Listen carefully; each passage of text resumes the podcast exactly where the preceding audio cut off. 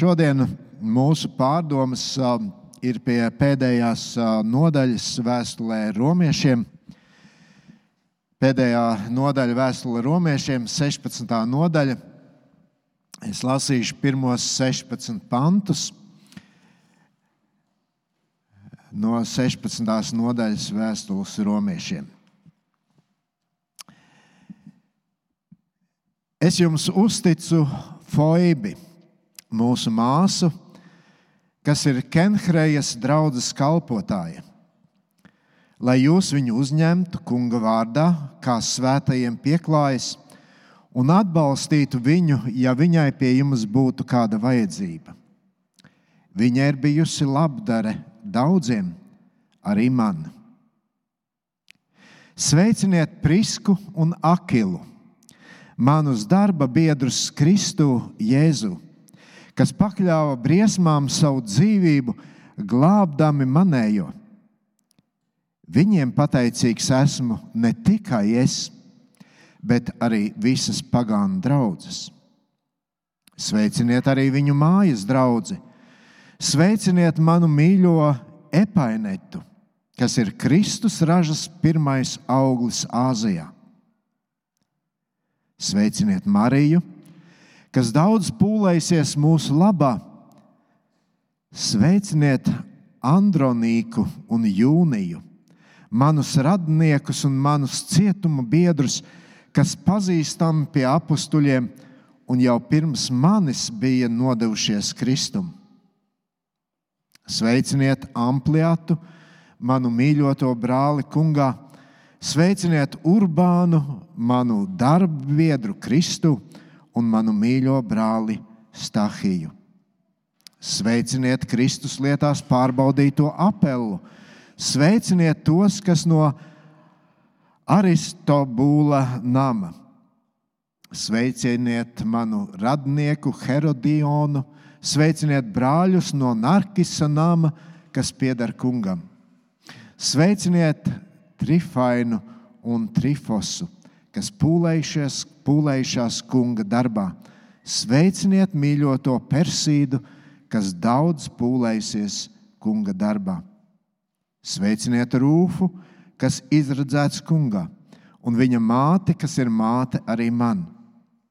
Sveiciniet Asinkritu, Flegontu, Hermeju, Patrobu, Hermu un brāļus, kas atrodas pie viņiem.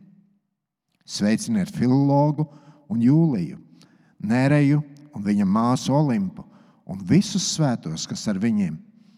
Sveiciniet viens otru ar svēto skūpstu. Jūs sveicina visas Kristus draudzes.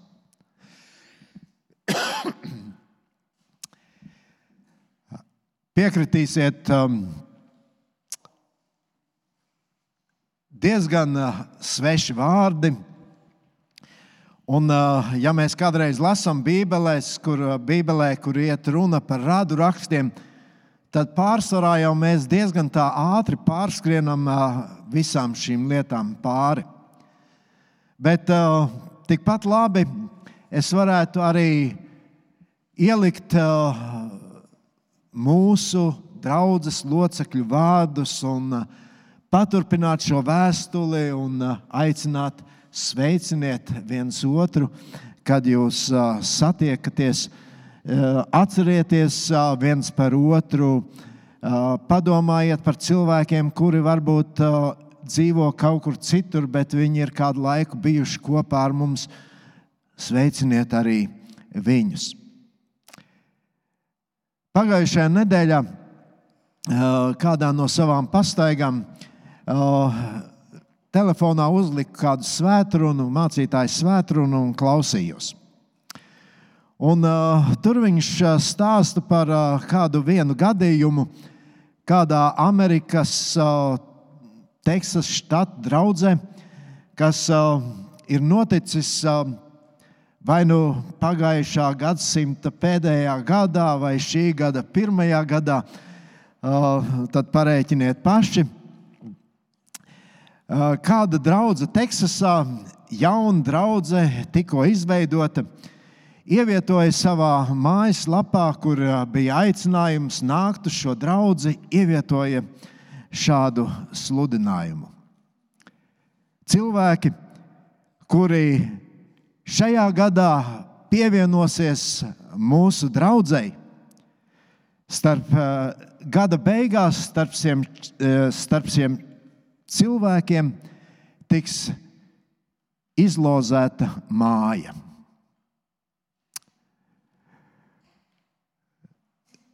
Šī draudzene kļuva par vienu no lielākajām draudzēm šajā štatā. Es nezinu, kā tur ir tagad, bet uh, tur bija kāds uzņēmējs, kurš uh, būvēja mājas. Un, uh, viņš bija viens no šīs uh, draudzes dibinātājiem. Un, uh, viņš vienu no savām būvētām mājām uzdāvināja draudzēji Un uh, draudzene nolēma, mēs tādā veidā centīsimies piesaistīt cilvēkus. Un cilvēki nāca cerībā, varbūt man laimēsies. Interesanti pieeja, vai ne?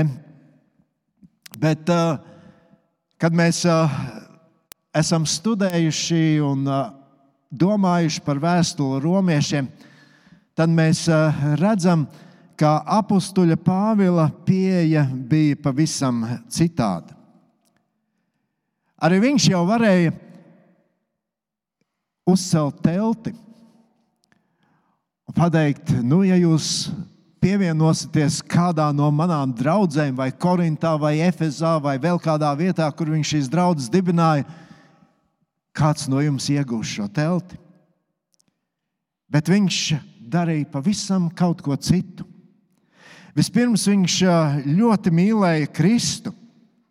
Viņš ziedoja savu dzīvi, savu kalpošanu, lai pagodinātu viņu. Viņš ziedoja visu, lai Kristus evaņģēlīs uzrunātu ļaudis. Un šodien uh, mums ir tāda brīnišķīga iespēja mācīties par to, kādā veidā Dieva evaņģēlijs maina cilvēku dzīves. Un blakus šiem cilvēkiem ir vienmēr bijis vēl kāds cilvēks, kurš šo evaņģēliju ir skaidrojis, kurš varbūt ar savu dzīvi, ar savu klātbūtni, ar savu iedrošinājumu ir bijis cilvēkiem par svētību. Kas bija šie cilvēki, kurus Pāvils šeit piemin? Viena lieta mēs varbūt varam teikt diezgan droši, ka tie bija ļaudis, kuros Pāvils bija kaut ko ieguldījis. Tie bija ļaudis, kurus Pāvils bija mācekļojis, ar kuriem kopā viņš bija pavadījis kādu laiku. Tie bija viņam zināmi ļaudis. Viņš bija pielicis pūles, lai viņi kļūtu par tiem, kas viņi bija. Un interesanti, ka šīs nopietnās vēstules beigās, ko Pāvils raksta romiešiem, viņš uzskata par svarīgu šos cilvēkus pieminēt. Mēs tur redzam, vairāk, lasījām vairāk kā 20 cilvēku vārdus. Jā, šie cilvēki, izņemot vienu, mēs saprotam, viņi ir tur Romā. Visu laiku viņi tur nebija. Viņi bija no dažādām vietām, kur Pāvils ar viņiem bija ticies, bet tagad viņi bija tur Romā, kā galvaspilsētā.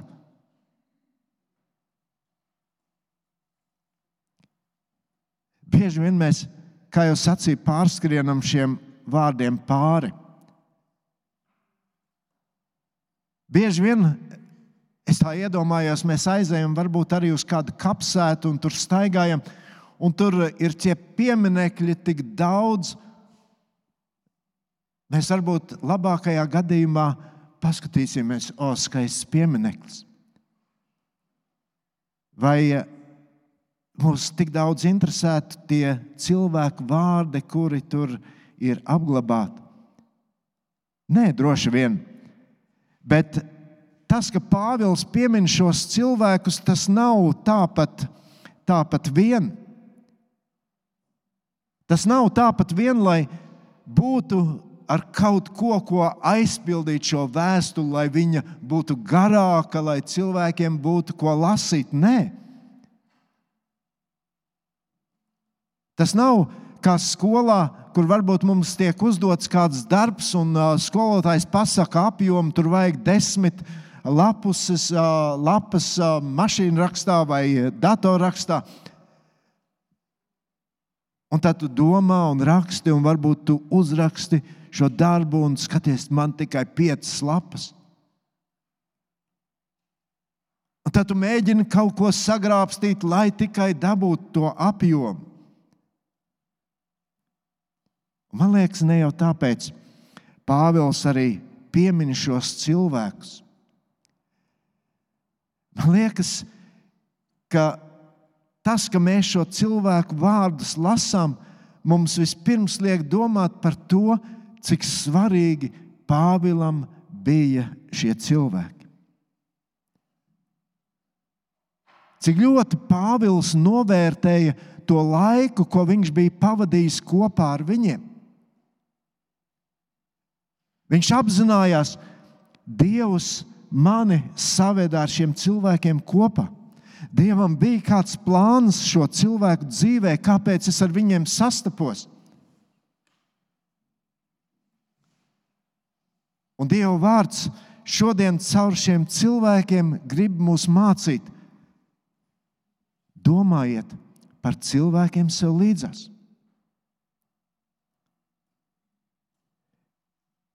Mēs esam tik dažādi cilvēki. Ir cilvēki, kuri savā dzīvē ir orientēti uz mērķi, un tad, lai to sasniegtu, viņi neskatās ne uz ko. Kā tautā saka, viņi iet pāri līķiem. Man ir mērķis. Viņi ir gatavi noniecināt otru, lai tikai sasniegtu savu mērķi.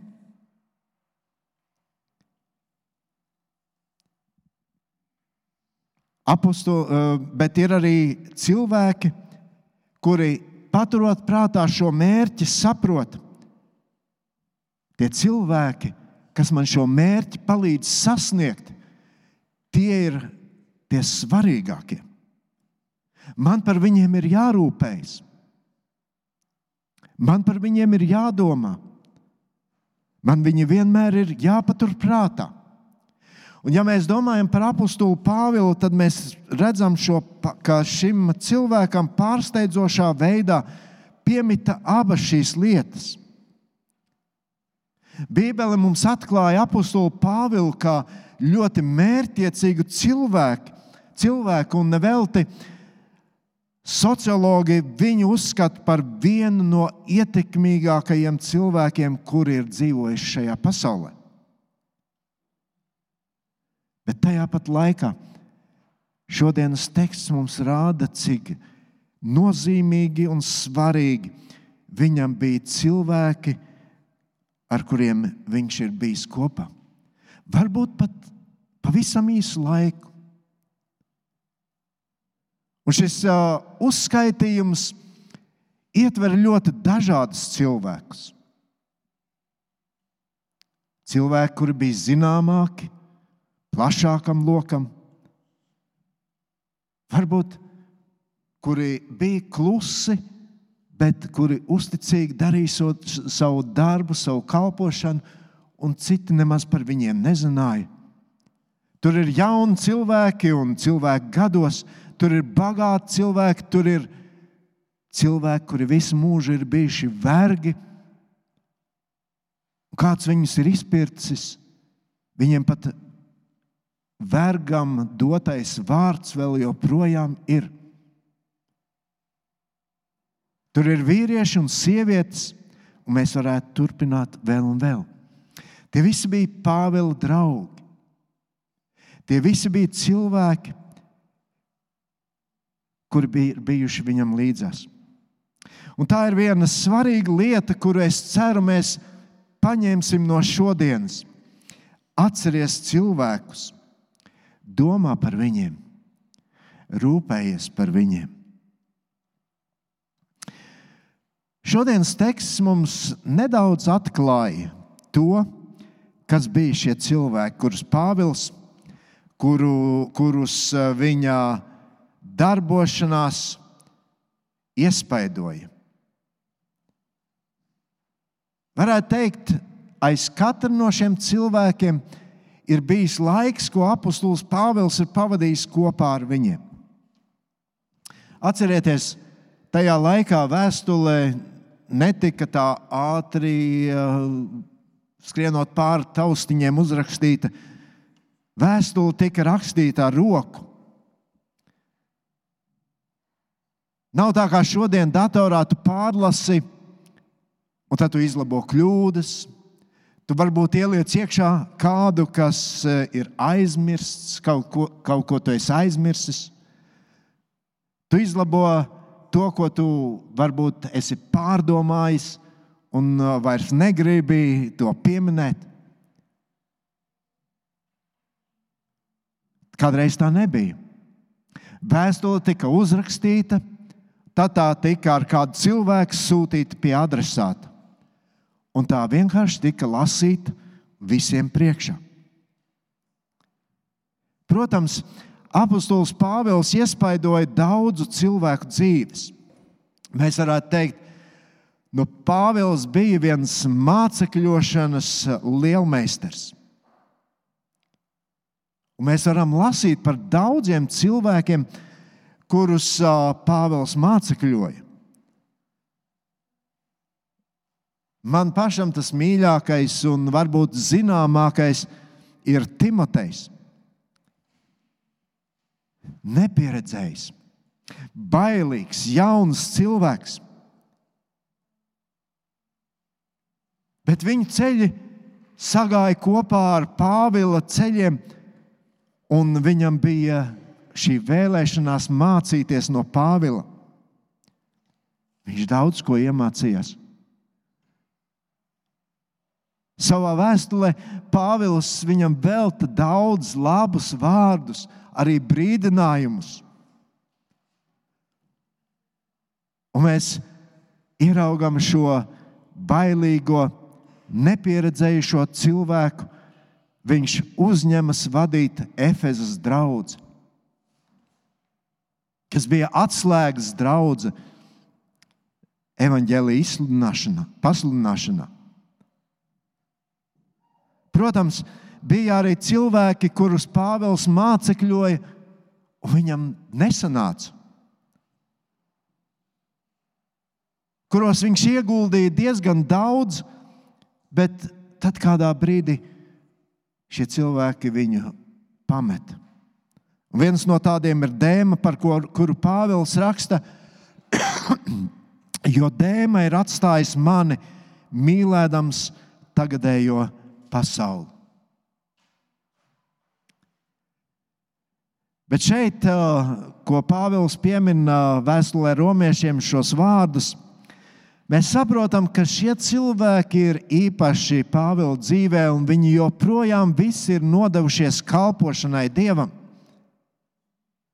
Jā, viņi darīja savus ierastos ikdienas pienākumus, bet tajā pat laikā viņas sirdis dega par evaņģēliju. Viņi tāpat kā Pāvils, ar kuriem kuri ar viņu ir bijuši kopā un skatījušies uz šo vīri un redzējuši viņa degošo sirdi, arī viņu sirdis dega par Kristu. Un Pāvils raksta, es jums uzticu Foibi, mūsu māsu, kas ir Kenhrejas draudzes kalpotāja. Lai jūs viņu uzņemtu kunga vārdā, kā svētajiem pieklājas un atbalstītu viņu, ja viņai pie jums būtu kāda vajadzība. Viņa ir bijusi labdara daudziem, arī man. Pāvils runā par sievieti, Mēs saprotam, viņa ir no Kenhrejas draudzes. Kenhreja bija tajā laikā Korintas priekšpilsēta. Mēs zinām, ka šo vēstuli romiešiem Pāvils raksta atrodoties Korintā.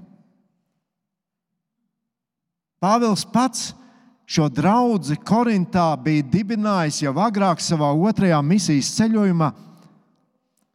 Un droši vien līdz šim laikam, kad Pāvils tur tagad atrodas, šī draudzene ir sludinājusi evaņģēliju, tā ir izpletusies.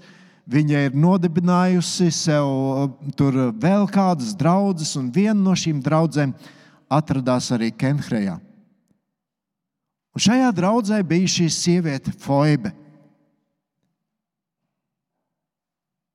Viņai nebija nekāds amats draudzē. Bet mēs saprotam, ka šī ir sieviete, kura ļoti pazemīgi kalpoja, kura tik ļoti rūpējās par citiem, kā arī draudzē viņa tika ievērota. Viņa cienīja. Sieviete, kurai kalpošana bija viņas dzīve, kuras sirds dega par to, ko viņa darīja. Pāvils saka, viņa atbalstīja daudzus, arī mani.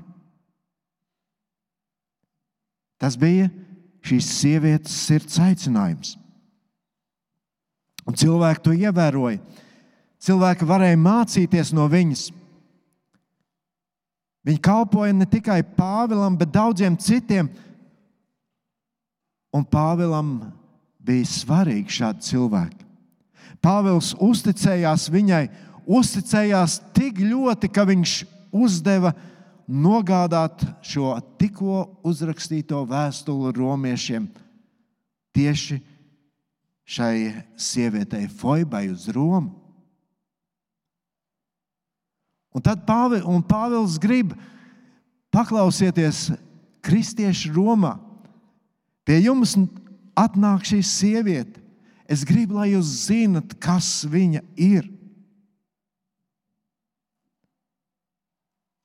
Tālāk, trešajā pantā Pāvils piemin vēl kādus cilvēkus. Viņš saka, sveiciniet Prisku un Akilu, manus darba biedrus Kristu Jēzu kas pakļāva briesmām savu dzīvību, glābdams manējo, glābdam manējo. Viņiem pateicīgs esmu ne tikai es, bet, vis, bet arī visas pagānu draugas. Sveiciniet arī viņu mājas draugus. Šie cilvēki, Priska un Akila, vīrs un sieva, viņi ir pieminēti vairāk kārt Tur ir sešas vietas jaunajā derībā, kur šie cilvēki ir pieminēti. Pāvils saka, eh, Bībelē saka, ka šie cilvēki bija no Pontas. Tad viņi ir pārcēlušies uz Romu, kur acīm redzot, eh, viņiem bija kāds nopietns bizness. Viņi darīja to pašu, ko Pāvils būvēja teltis, varbūt vēl kaut ko. Noprotam, ka viņi bija turīgi ļaudis, viņi bija jūdi. Un tad, kad uh, imperatora Klaudija laikā jūdi tika dzīti projām no Romas, šie cilvēki pārceļas uz Korintu. Un Korintā savā pirmajā misijas ceļojuma laikā Pāvils ar uh, Prisku un Akilu satiekas. Korintā tad vēl nebija draugs. Mēs nezinām, vai šie cilvēki bija kristieši pirms viņi sastapa Pāvilu. Bet zinām droši to, ka Pāvils atnākot uz Korintu, apmetās viņu namā. Apostoļu darbu grāmatā 18.1.3 mēs lasām, pēc tam Pāvils atstāja Atēnas un aizgāja uz Korintu. Te viņš sastapa kādu jūdu vārdā Akils, dzimušu Pontā kurš nesen ar sievu Priskilu bija pārcēlies no Itālijas, jo Klaudijs bija pavēlējis visiem jūdiem atstāt Romu. Pāvils ieradās pie viņiem, un tā kā viņiem bija kopīgs amats, viņi bija telšu taisītāji, Pāvils tur palika, un viņi kopā strādāja. Bet mēs saprotam, Pāvils bija cilvēks, kurš mācīja atstāt iespaidu uz citiem. Un arī uz šiem cilvēkiem viņš atstāja noteikti milzu iespaidu. Jo vēlāk, kad mēs lasām pēc apmēram pusotra gada, ko Pāvils ir pavadījis Korintā un apmeties viņu namā, tur izveidojās mājas draudzene, kurai ir sākums Korintas draudzēji. Mēs lasām, šie cilvēki kopā aizgāja uz Efesu. Pāvils par viņiem dod liecību. Šie cilvēki bija gatavi pakļaut briesmām pat savu dzīvību, lai mani glābtu. Viņiem tas likās tik ļoti svarīgi, lai evaņģēlijas izplatītos, lai evaņģēlīja vēsts aizsniegtu daudzus cilvēkus. Mums pat dzīvība nav tā vērta. Mēs darām visu, lai tas tā notiktu. Par viņiem lasām, ja vajadzēja vietu, kur pulcēties, lūdzu, mums ir vieta, mūsu nama durvis ir atvērtas, nāciet. Mēs varam teikt, Kristum nodevušies cilvēki. Korintā pirmie kristieši pulcējas viņu namā, Romā tāpat, Efezā tāpat. Pirmā vēstule korintiešiem tika rakstīta no Efezas. Un tur mēs lasām, jūs sveicināt draugus Āzijā, Akils un Priska kopā ar savas mājas draugu. Jūs sirsnīgi sveicināt kungā.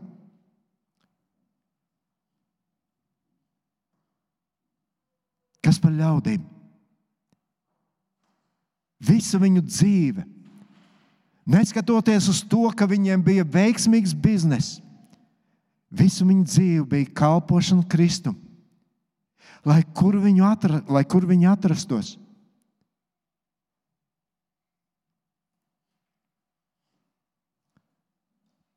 Ir vēl kāda interesanta raksturvieta, kura parāda šo cilvēku ieinteresētību Eh, kalpot ne tikai varbūt ar uh, saviem materiāliem līdzekļiem vai atverot savu namu, bet viņi bija atvērti strādāt, iespaidot arī citus cilvēkus, jeb mācekļot.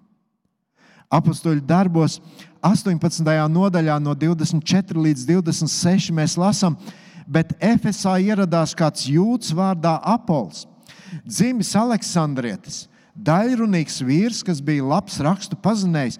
Viņš bija mācīts kunga ceļā un dedzīgi sludinājis, saprotami mācīdams par Jēzu, lai gan pazina Jāņa kristību. Viņš sāka atklāti sludināt sinagogā, kad Priskila un Akils viņu dzirdēja, tie pieņēma viņu pie sevis un vēl skaidrāk izklāstīja viņam dieva ceļu. Interesanti. Šie, šī ģimene, Akils un Priskila, Priska, ja Priskila, kļuva par tādiem mācekļotājiem, Apolam. Cilvēkam, kurš vēlāk kļuva par izcilu sludinātāju tajā laikā. Un lielā mērā par tādu viņš kļuva pateicoties šiem cilvēkiem, kuri viņu ieraudzīja, pieņēma, ieguldīja viņu, viņā. Desmitajā vēl mēs redzam kādus cilvēkus. Desmitajā pantā Pāvils piemin apelu Viņš ļoti īsi par viņu pasaka. Maz mēs par viņu zino, zinām. Viņš saka, sveiciniet Kristus lietās pārbaudīto apeli.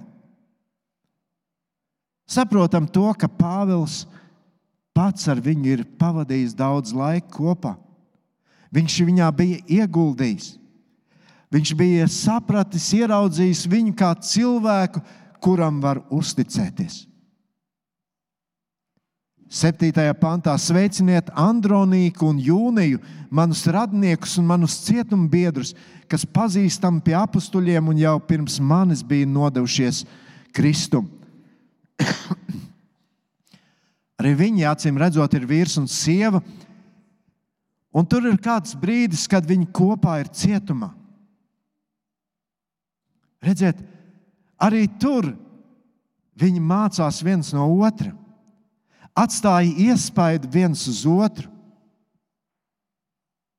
Es nezinu, droši vien viens no iemesliem, kāpēc man ir tik grūti atcerēties daudzus vārdus, daudzus cilvēku vārdus draudzē, ir tas, ka mēs varbūt redzamies ne tik bieži, kā vajadzētu. Un, kad es runāju ar cilvēkiem, tad bieži vien ir skumji dzirdēt, kad cilvēks saka, nu es jau vairs nepazīstu daudzus draugus.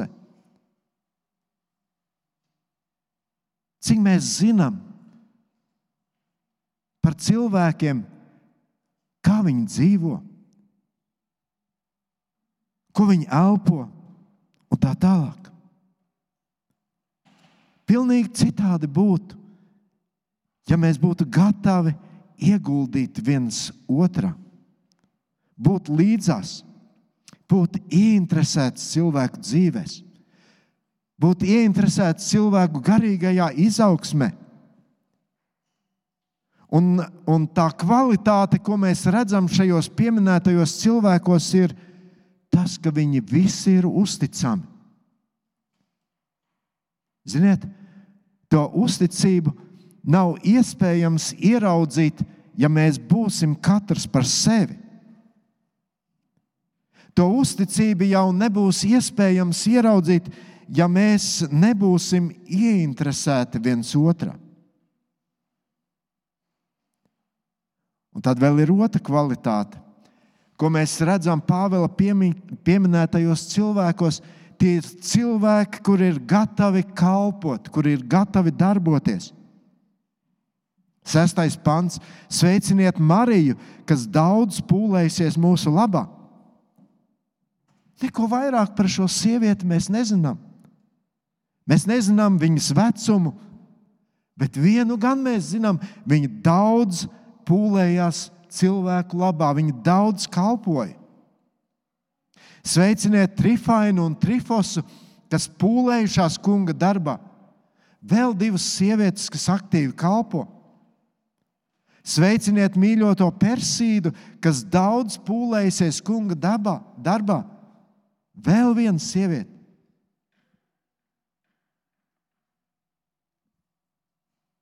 Darbošanās. Tāda patiesa kalpošana veidojas, kad mēs varam palīdzēt viens otram to darīt. Kad mēs varam varbūt mācīt viens otru, kā to darīt. Un tad vēl ir trešā kvalitāte, kurai ir mācekļošanas auglis. Caur mācekļošanu veidojas dieva darba biedri. Caur mācekļošanu mēs kalpojam kopā. Pāvils to redz Priskā un Akilā. Viņš saka, mani darba biedri Kristu Jēzu. Viņš to redz Urbānā, man, man, manu sveiciniet, Urbānu, manu darba biedru. Sveiciniet manu mīļo epainetu, kas ir Kristus ražas pirmais auglis Āzijā. Caur Pāvila sludināto evaņģēliju Šis vīrs piedzīvo dieva žēlastību. Un viņš nevar citādi. Viņš turpina Pāvila sākto. Ziniet, Pāvils noteikti nepieminētu šos cilvēkus, ja viņš tajos nebūtu ieguldījis savu laiku, savas zināšanas. Ja viņam nebūtu svarīgs tas, kā šie cilvēki jūtas tagad Romā, kad viņš tur nav klāt. Viņš nepieminētu šo cilvēku vārdus, ja viņš viņus patiesi nemīlētu. Kā jau teicu, vairāk kā 20 vārdi, visus es nenosaucu tagad, eh, bet uh, tur vēl ir citi cilvēki. Bet es gribu, lai mēs apzinātos, ka Dievs mūs noliek līdzās vienu, vienam otram. Ne jau tāpat vien. Mēs esam dažādi. Bet, ja mēs esam piedzīvojuši Dieva žēlastību, tad es esmu pārliecināts, ka Dieva plāns ir, ka mēs esam noderīgi viens otram. Un noderīgi, lai, lai kādi apstākļi būtu, kādos mēs dzīvotu, lai mēs viens otru iedrošinātu, lai atbalstītu, lai kopīgi garīgi augtu un lai kopā kalpotu. Un vēl viena lieta, ko mēs šeit ieraugam, ka Pāvilam par katru no pieminētiem cilvēkiem ir kaut kas labs, ko par viņiem teikt. Un mēs to nekad nevarēsim, ja mēs nepazīsim viens otru.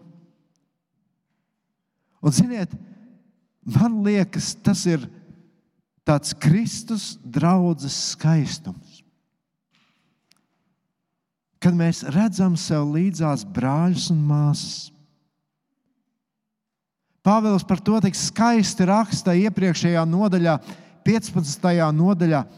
Viņš saka, un tā kā jau daudzus gadus esmu ilgojies nākt pie jums, ceru, ka dodoties uz Spāniju pa ceļam, redzēšu jūs, redzēšu arī jūs, un jūs mani izvadīsiet tālākā ceļā, kad būšu pie jums vispirms šo ilgošanos pa daļai piepildījis. Cik mēs novērtējam cilvēkus līdzās sev draudzē? Cik mēs novērtējam šo iespēju būt kopā, mācīties vienam no otra, atbalstīt vienam otru. Pāvēlam tas bija svarīgi. Viņam bija svarīgi, tāpēc, ka viņš šos cilvēkus mīlēja. Cik svarīgi tev ir cilvēki, kas ir tev līdzās? Vai tu viņus no sirds mīli? Vai tu esi gatavs viņus, viņos ieguldīt, vai tu esi gatavs augt kopā ar viņiem, lūgt kopā ar viņiem, cīnīties kopā ar viņiem, kalpot kopā ar viņiem? Redzi, varbūt kādam tu vari kļūt kā māte, kā to Pāvils saka par sevi. Sveiciniet Rūfu, kas izredzēts kungā un viņa māte, māte, kas ir arī mana māte. Varbūt kādam tu vari kļūt kā tēvs, bet tas prasa upurēšanos. Tas prasa ieguldīt otrā. Tas prasa ieraudzīt, tas prasa dzīvot līdzi otram. Uz to mūs aicina šodienas Dieva vārds. Un vēl noslēdzot, 16. pants. Sveiciniet viens otru ar svēto skūpstu. Jūs sveicina visas Kristus draudzes.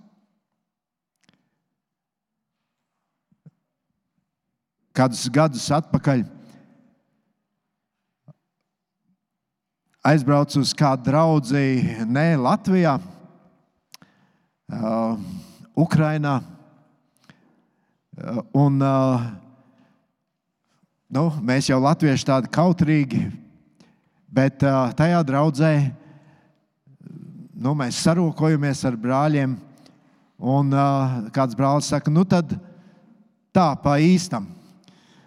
Uh, un uh, dod tādu kārtīgu buču. Uh, redziet, tajā laikā arī draudzēs, kurām, par kurām mēs lasām jaunajā derībā. Daudzās no viņām, atkarībā no vietas, kur viņi atradās, tā bija tāda tradīcija.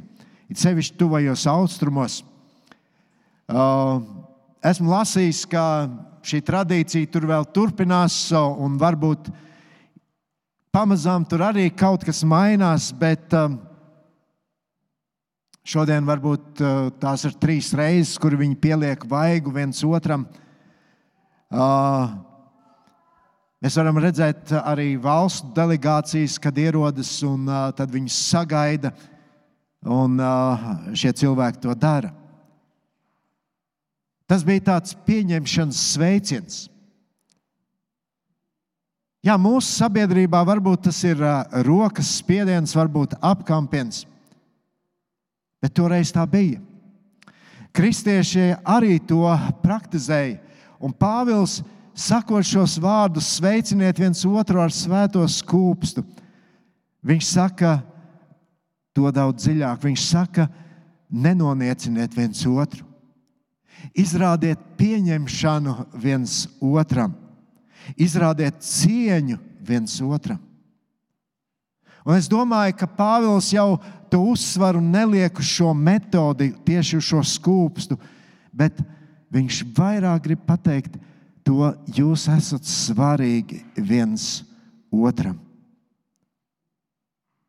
Pieņemiet viens otru, atbalstiet viens otru, iedrošināt, rūpējieties viens par otru, nebeidziet viens no otra. Un, ziniet, man liekas, ar to mēs izdarīsim daudz vairāk, kā daudz skūpsti.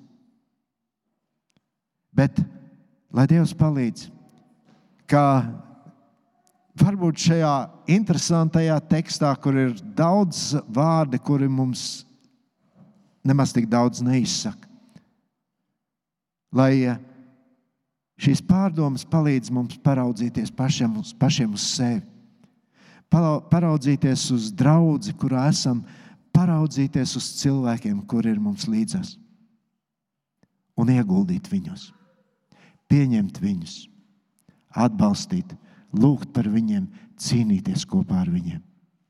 Lai Dievs palīdz. Lūksim Dievu. Devis Tēvs, paldies Tev, ka Tu mūs mīli, ka Tu mūs pieņem un ka šodien Tu arī mūs aicini mīlēt vienam otru un pieņemt un rūpēties vienam par otru un ieguldīt. Palīdz mums to darīt. Pazemīgu sirdi, Tavas valstības godam un Tavam godam. Amen.